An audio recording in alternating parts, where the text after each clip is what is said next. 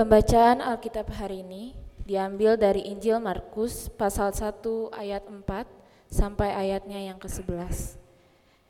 Demikianlah Yohanes Pembaptis tampil di padang gurun dan memberitakan baptisan tobat untuk pengampunan dosa. Maka berdatanglah kepadanya orang-orang dari seluruh daerah Yudea dan semua penduduk Yerusalem. Dan sambil mengaku dosanya, mereka dibaptis oleh dibaptis olehnya di Sungai Yordan. Yohanes memakai jubah bulu unta dan diikat pinggang kulit dan makanannya belalang dan madu hutan. Ia memberitakan demikian, sesudah aku akan datang, ia yang lebih berkuasa daripada aku, membungkuk dan membuka tali kasutnya, pun aku tidak layak Aku membaptis kamu dengan air, tetapi ia akan membaptis kamu dengan roh kudus. Pada waktu itu datanglah Yesus dari Nazaret di tanah Galilea dan ia dibaptis di sungai Yordan oleh Yohanes. Segera sesudah keluar dari air, ia melihat langit terkoyak dan roh dan roh seperti burung merpati turun ke atasnya. Lalu terdengarlah suara dari sorga, engkau engkaulah anakku yang terkasih, kepadamulah aku berkenan. Demikianlah pembacaan firman Tuhan. Yang berbahagialah orang yang mendengar firman Tuhan serta memelihara dalam hidupnya. Haleluya.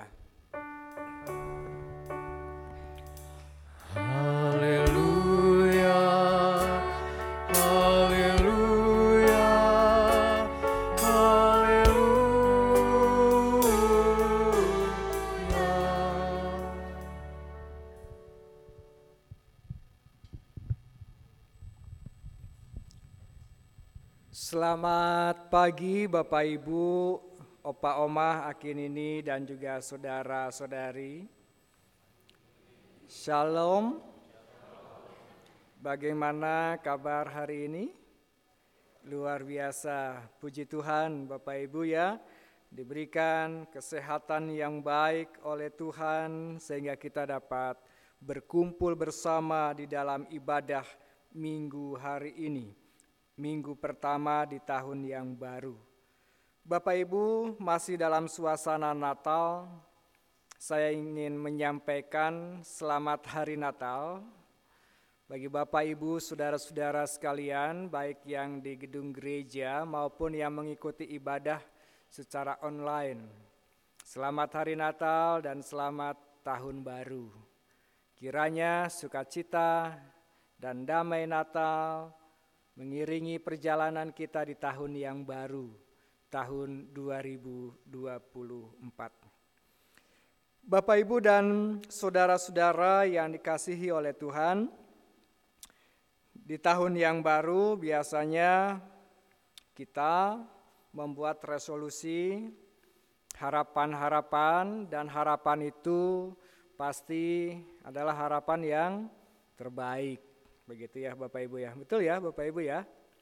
Dari yang dulunya sakit-sakitan, kalau bisa di tahun 2024 ini kita sehat. Begitu ya. Kalau di tahun yang lalu banyak mengalami kegagalan, di tahun 2024 ini kita berharap dapat meraih kesuksesan dan juga keberhasilan. Kalau tahun yang lalu teman-teman belum dapat jodoh, belum dapat pasangan gitu ya. Harapannya di tahun yang baru dapat pasangan. Kalau yang lalu belum lulus-lulus gitu ya, yang kuliah, ya harapannya tahun ini bisa segera segera lulus, menyelesaikan tugasnya, skripsinya dengan baik dan tahun ini diharapkan bisa dapat menyelesaikan studinya dengan baik. Itu harapan-harapan kita. Dan mungkin masih ada banyak lagi harapan-harapan kita, Bapak Ibu. Tetapi tentu ketika kita memiliki harapan-harapan itu, kita juga diperhadapkan dengan situasi kehidupan yang belum pasti. Situasi kehidupan yang mungkin membuat kita masih bertanya-tanya, apakah bisa kita meraih harapan itu? Apakah kita mampu meraih harapan itu? Terlebih jikalau kita melihat situasi ekonomi, politik, menjelang pemilihan umum tahun 2024 ini. Belum lagi dengan situasi global, gitu ya, mengalami krisis ekonomi global, Peperangan terjadi di mana-mana, khususnya juga antara Israel dan Palestina yang menjadi perhatian dunia. Nah, tentu Bapak Ibu dan Saudara, situasi-situasi itu bisa saja mematahkan semangat kita untuk kita meraih harapan, tetapi sebagai umat Allah, kita tentu diajak untuk bersama-sama, mari kita sambut hari esok penuh dengan harapan, mari kita sambut hari esok penuh dengan optimisme, mari kita sambut hari esok penuh dengan keyakinan bahwa hari esok pasti akan lebih baik. Karena apa? Karena kita memiliki keyakinan bahwa Allah di dalam Yesus Kristus hadir bersama dengan kita, tinggal bersama dengan kita, diam bersama dengan kita, dan bergumul bersama-sama dengan kita. Amin, Bapak Ibu. Bapak Ibu dan saudaraku yang terkasih di dalam Tuhan, pembacaan hari ini diambil dari Markus pasal 1 ayat 4 sampai dengan ayatnya yang ke-11.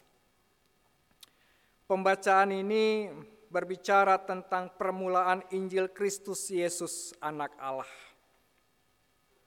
Kehadiran Kristus Yesus anak Allah dimulai dengan tampilnya Yohanes sebagai seorang yang diutus Tuhan untuk mempersiapkan jalan bagi Kristus Yesus sang anak Allah itu. Sebagaimana yang telah dinubuatkan di dalam kitab perjanjian lama, Yesaya pasal 40 ayat 3, dan juga di dalam pembacaan kita ayat 2 sampai dengan ayatnya yang ketiga. Lihatlah aku menyuruh utusanku mendahului engkau, aku akan mempersiapkan jalan bagimu, ada suara orang yang berseru-seru di padang gurun, persiapkanlah jalan untuk Tuhan, luruskanlah jalan raya baginya. Bapak Ibu dan saudaraku yang terkasih di dalam Tuhan, Yohanes Pembaptis tampil sebagai pembuka jalan, mempersiapkan jalan, atau sebagai perintis jalan bagi Kristus Yesus, Sang Anak Allah. Sebagai jalan perintis atau pembuka jalan, Yohanes menyatakan seruannya dengan seruan pertobatan. Ayat 4 dikatakan, demikianlah Yohanes Pembaptis tampil di padang gurun dan memberitakan baptisan tobat untuk pengampunan dosa.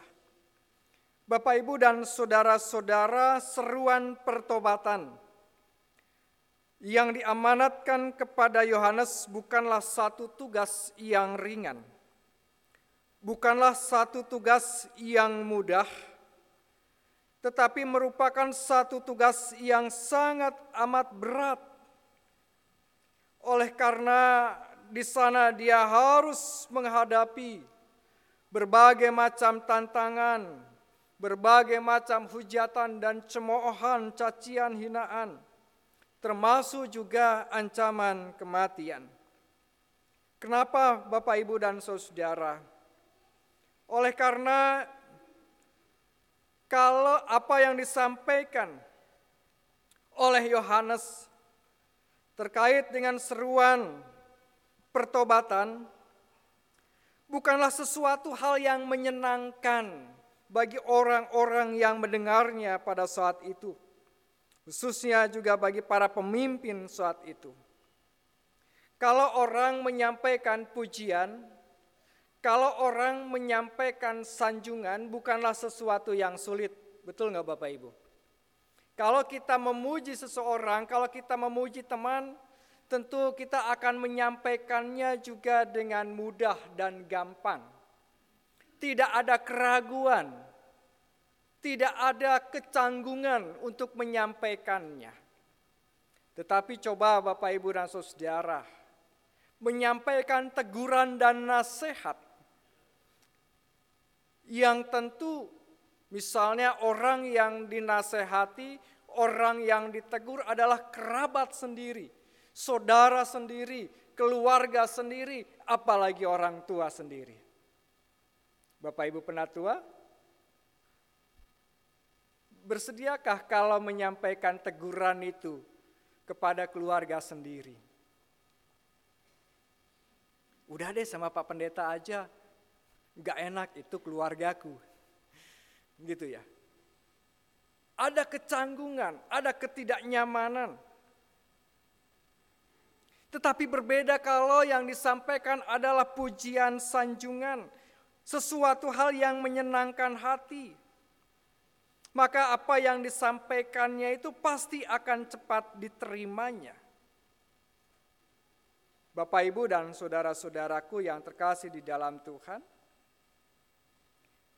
Akan tetapi, apa yang disampaikan oleh Yohanes bukanlah sanjungan, bukanlah pujian. Yang disampaikan oleh Yohanes justru sebaliknya.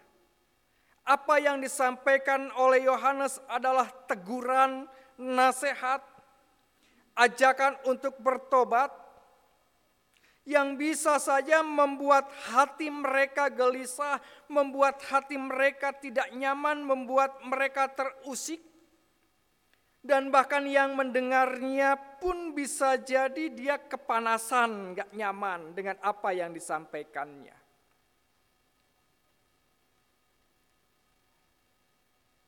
Orang-orang yang dituju adalah orang-orang Yahudi sebagai umat pilihan Allah sebagai bangsa pilihan Allah yang tentu merasa bahwa mereka adalah sebagai umat pilihan Allah dan dia aman.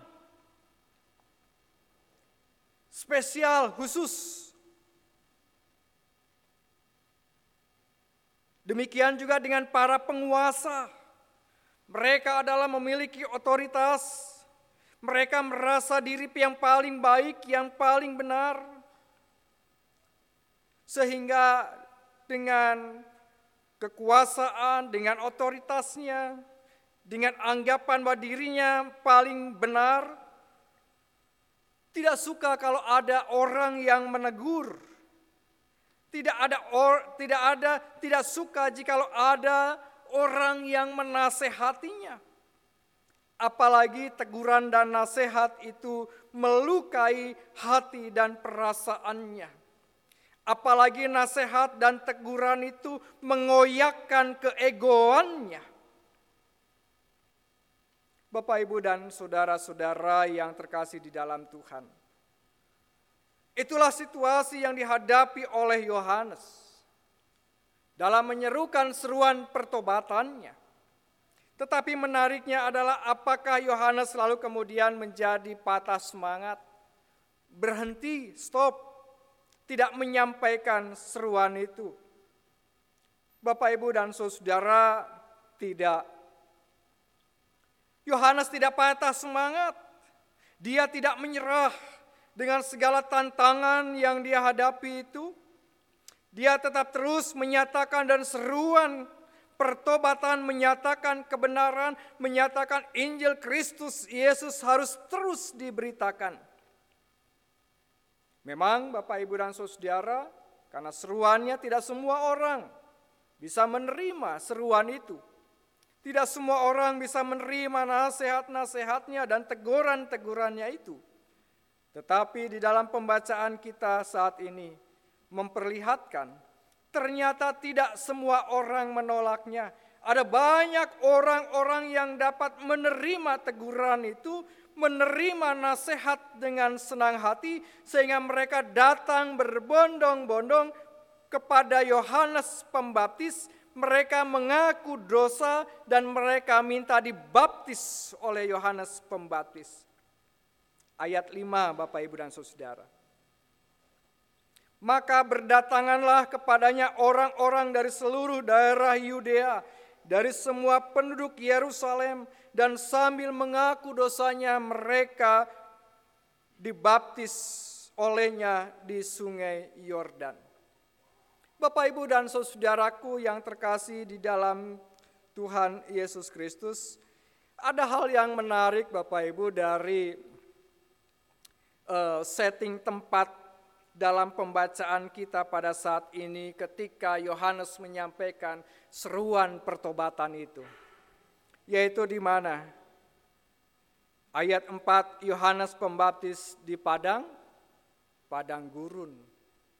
Bapak, Ibu, dan saudara-saudaraku yang terkasih dalam Tuhan, William Barclay dia menyebutkan bahwa padang gurun ini terletak antara pusat Yudea dan juga Laut Mati dan menjadi salah satu padang gurun yang paling berbahaya dan paling mematikan. Karena apa? Karena padang gurun batu kapur katanya di mana padang gurun ini batunya tajam berkilauan dan kalau kena panas matahari diinjak batunya itu sangat panas dan bisa saja kaki itu melepuh saking panasnya Bapak Ibu dan Saudara. Dan kalau melihat dalam perjanjian lama bahwa padang gurun itu disebut Yesimon. LAI menerjemahkannya dengan padang belantara. Artinya apa Bapak Ibu dan Saudara bahwa ketika Yohanes tampil di padang gurun untuk menyatakan seruan pertobatan itu, maka padang gurun menjadi simbol. Menjadi simbol bahwa seruan bahwa pertobatan itu harus dimulai dari upaya manusia upaya yang tidak mudah, upaya yang tidak gampang, yaitu menghancurkan, meleburkan segala keegoannya, segala keangkuhannya. Dia harus meninggalkan dari zona nyamannya, zona lamanya dan masuk dalam zona yang baru yang belum tentu zona itu menjadi zona yang nyaman. Pertobatan yang sejati terjadi kalau kita mau melebur, menghancurkan segala keangkuhannya, segala kesombongannya, segala keegoannya. Pertobatan terjadi kalau di dalam dirinya dia bersedia meleburkan, menghancurkan kesombongannya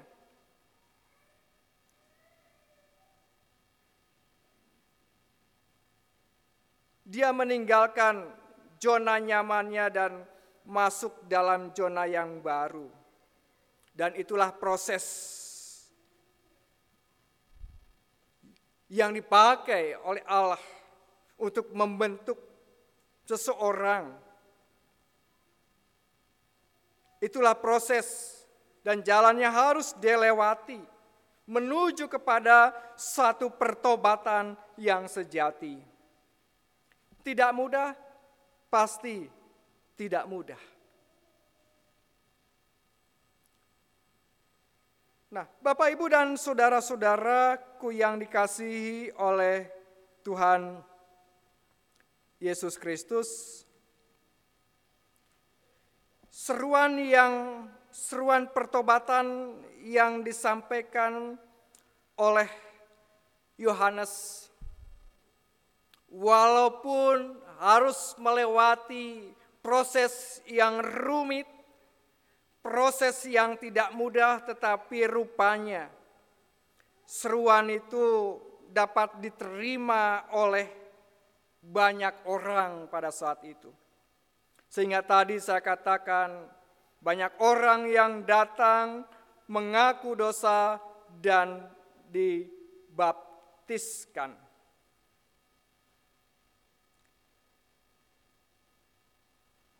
Artinya apa Bapak Ibu dan Saudara? Artinya seruan itu memang begitu menarik bagi orang-orang banyak.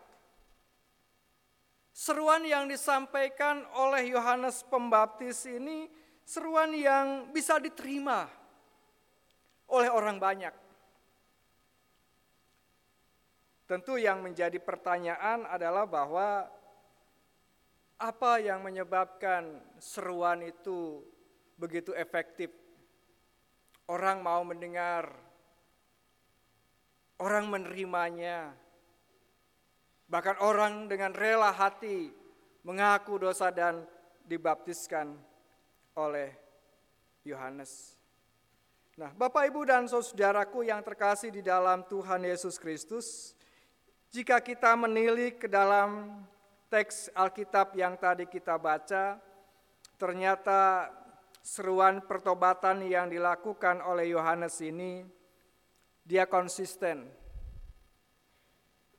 Apa yang diserukan, apa yang dikatakan, apa yang diberitakan konsisten seias kata dengan tindakan yang dilakukannya. Jadi Yohanes ini bukan NATO. Apa NATO Bapak Ibu?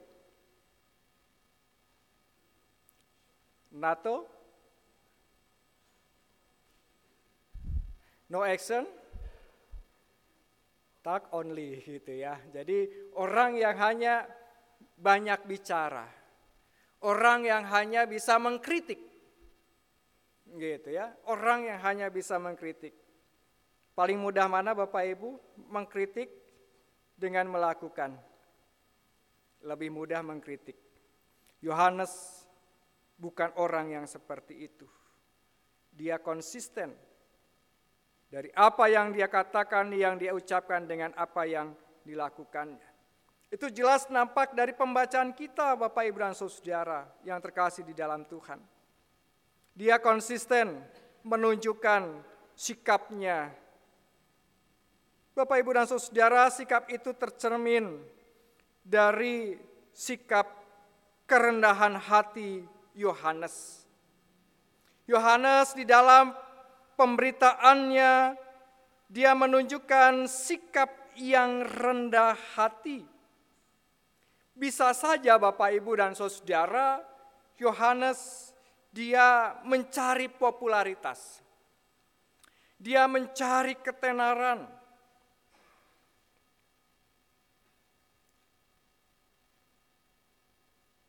Tetapi Yohanes bukan itu tujuannya.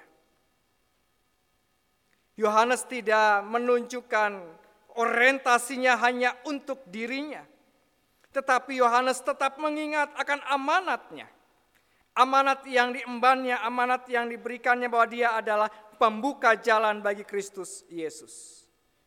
Karena itu dia tetap menunjukkan kerendahan hatinya dia memakai jubah bulu unta dan ikat pinggang kulit dan makanan yang makanannya pun adalah belalang dan madu hutan. Bapak Ibu dan Saudara yang terkasih dalam Tuhan, memakai jubah bulu unta dan ikat pinggang yang berasal dari kulit itu menunjukkan kesederhanaan dari Yohanes Pembaptis. Lalu juga makanannya adalah belalang dan madu hutan. Ini pun sama menunjukkan bahwa hidup Yohanes adalah hidup dalam kesederhanaan dan jauh dari kemewahan. Bapak, Ibu, dan saudara, belalang itu adalah makanan yang paling sederhana. Makanan bagi orang miskin, paling miskin, dari orang miskin. Jadi belalang itu makanan orang paling miskin dari antara orang miskin. Jadi kalau rumah mah ini SSSS gitu ya, sangat sangat sangat sangat sederhana gitu ya. Sangat sangat sederhana. Jadi dari yang miskin ada lagi di bawah miskin lagi Bapak Ibu. Nah, itulah makanan makanan yang dimakan oleh Yohanes menunjukkan kerendahan hatinya Bapak Ibu dan Saudara. menunjukkan kesederhanaannya. Dan bahkan Bapak Ibu dan Saudara, kerendahan hati, kesederhanaan pun dia tunjukkan dengan sebuah pengakuan bahwa sebenarnya dia tidak layak untuk melakukan pekerjaan yaitu melepaskan kasut. Di ayatnya yang ketujuh Bapak Ibu dan Saudara di sana dikatakan sesudah aku akan datang ia yang lebih berkuasa daripada aku membungkuk dan membuka tali kasutnya pun aku tidak layak. Bapak Ibu membuka kasut itu adalah pekerjaan budak. Tapi Yohanes mengatakan, membuka kasut pun pekerjaan yang dilakukan oleh seorang budak, sebenarnya aku pun tidak layak, katanya. Hal ini menunjukkan, menggambarkan bahwa Yohanes begitu dia menunjukkan sikap kerendahan hatinya. Dia sadar dengan tugasnya, amanatnya bahwa saya sebagai pembuka karena itu dia katakan, sesudah aku akan datang, ia yang lebih berkuasa daripadaku. Jadi tampilnya dia bukan untuk menonjolkan dirinya, mencari popularitasnya, tapi justru dia sebagai pembuka jalan bagi seseorang, yaitu Yesus Kristus anak Allah yang jauh lebih besar daripada dirinya. Bahkan dia katakan di ayat 8, kalau aku membaptis dengan air, tetapi ia akan membaptis kamu dengan roh kudus. Bapak, Ibu, dan saudaraku yang terkasih dalam Tuhan, dari apa yang dia lakukan, dia, Yohanes Pembaptis, fokus tertuju kepada Kristus Yesus, Sang Anak Allah. Fokus kepada Allah, fokus kepada Kristus. Kalau dia membaptiskan air, membaptiskan dengan air yang hanya membersihkan kotoran dari tubuh manusia, tetapi Kristus Yesus dia membaptis Roh Kudus yang dapat membersihkan kehidupan manusia, yang membersihkan diri manusia, yang membersihkan hati manusia. Baptisan yang dilakukan oleh Kristus adalah baptisan yang membawa keselamatan dan kehidupan yang kekal. Karena setiap orang yang percaya kepadanya tidak binasa, melainkan beroleh hidup yang kekal.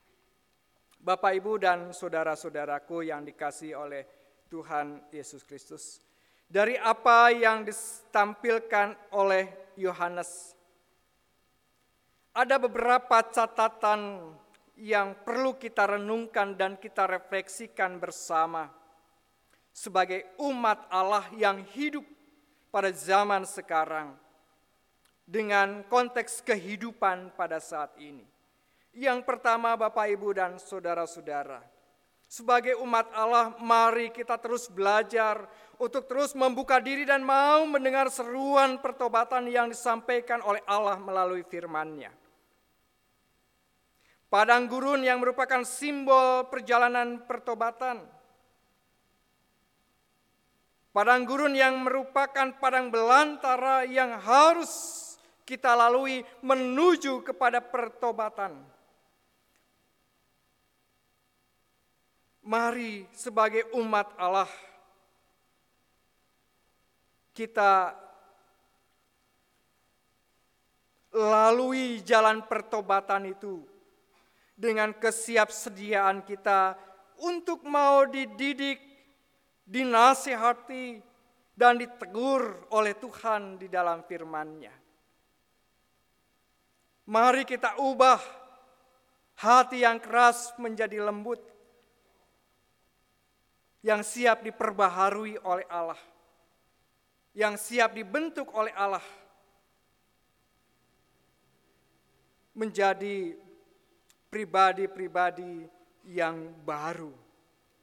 Dan Kristus Yesus melalui penderitaan, kematian, dan kebangkitannya telah memperbaharui hidup kita. Dan pembaharuan itu akan terus dinyatakan di dalam kehidupan kita melalui firman-Nya.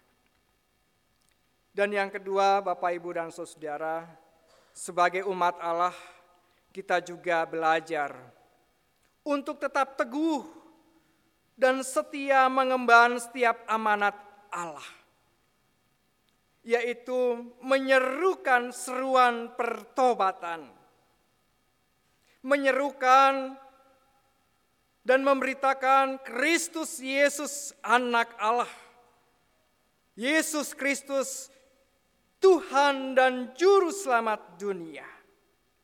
Walaupun memang tidak mudah, ada banyak tantangan dan bisa saja kita menghadapi cacian, cemoohan, penolakan, penolakan dan sebagainya. Tetapi kita belajar dari Yohanes Pembaptis tidak menyerah. Tunaikan tugas pemberitaan, pertobatan, seruan pertobatan, seruan keselamatan ini kepada dunia di mana pun Tuhan menempatkan Bapak, Ibu, dan Saudara. Kita dipanggil dan diutus oleh Tuhan untuk menyerukan pertobatan, memperdengarkan kabar sukacita, kabar keselamatan di tengah-tengah kehidupan dunia. Dan yang ketiga, Bapak, Ibu, dan saudaraku yang terkasih di dalam Tuhan, perjalanan tahun 2024 setahun yang akan datang, bagaikan padang gurun yang akan kita lewati, yang akan kita tempuh dan hari ini kita diajak untuk belajar bersama-sama. Mari kita menjalani jalan padang gurun itu. Jalan perjalanan tahun 2024 ini dengan sikap rendah hati di hadapan Tuhan. Tahun 2024 bagaikan padang gurun atau padang belantara yang penuh dengan ketidakpastian perjalanan yang tidak mudah yang akan kita lalui bersama. Karena itu ketika tema kita hari ini esokkan kujelang pertanyaannya adalah dengan sikap seperti apa kita akan menjalani tahun 2024 ini dengan optimisme kah atau dengan pesimis?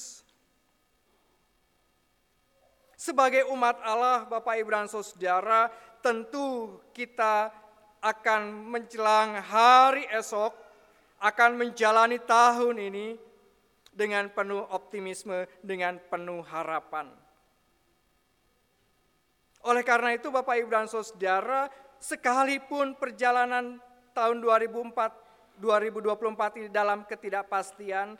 Tapi mari Bapak Ibu, saya mengajak Bapak Ibu saudara sekalian untuk memiliki sikap rendah hati mengandalkan kuasa dan pertolongan Tuhan di dalam Kristus Yesus.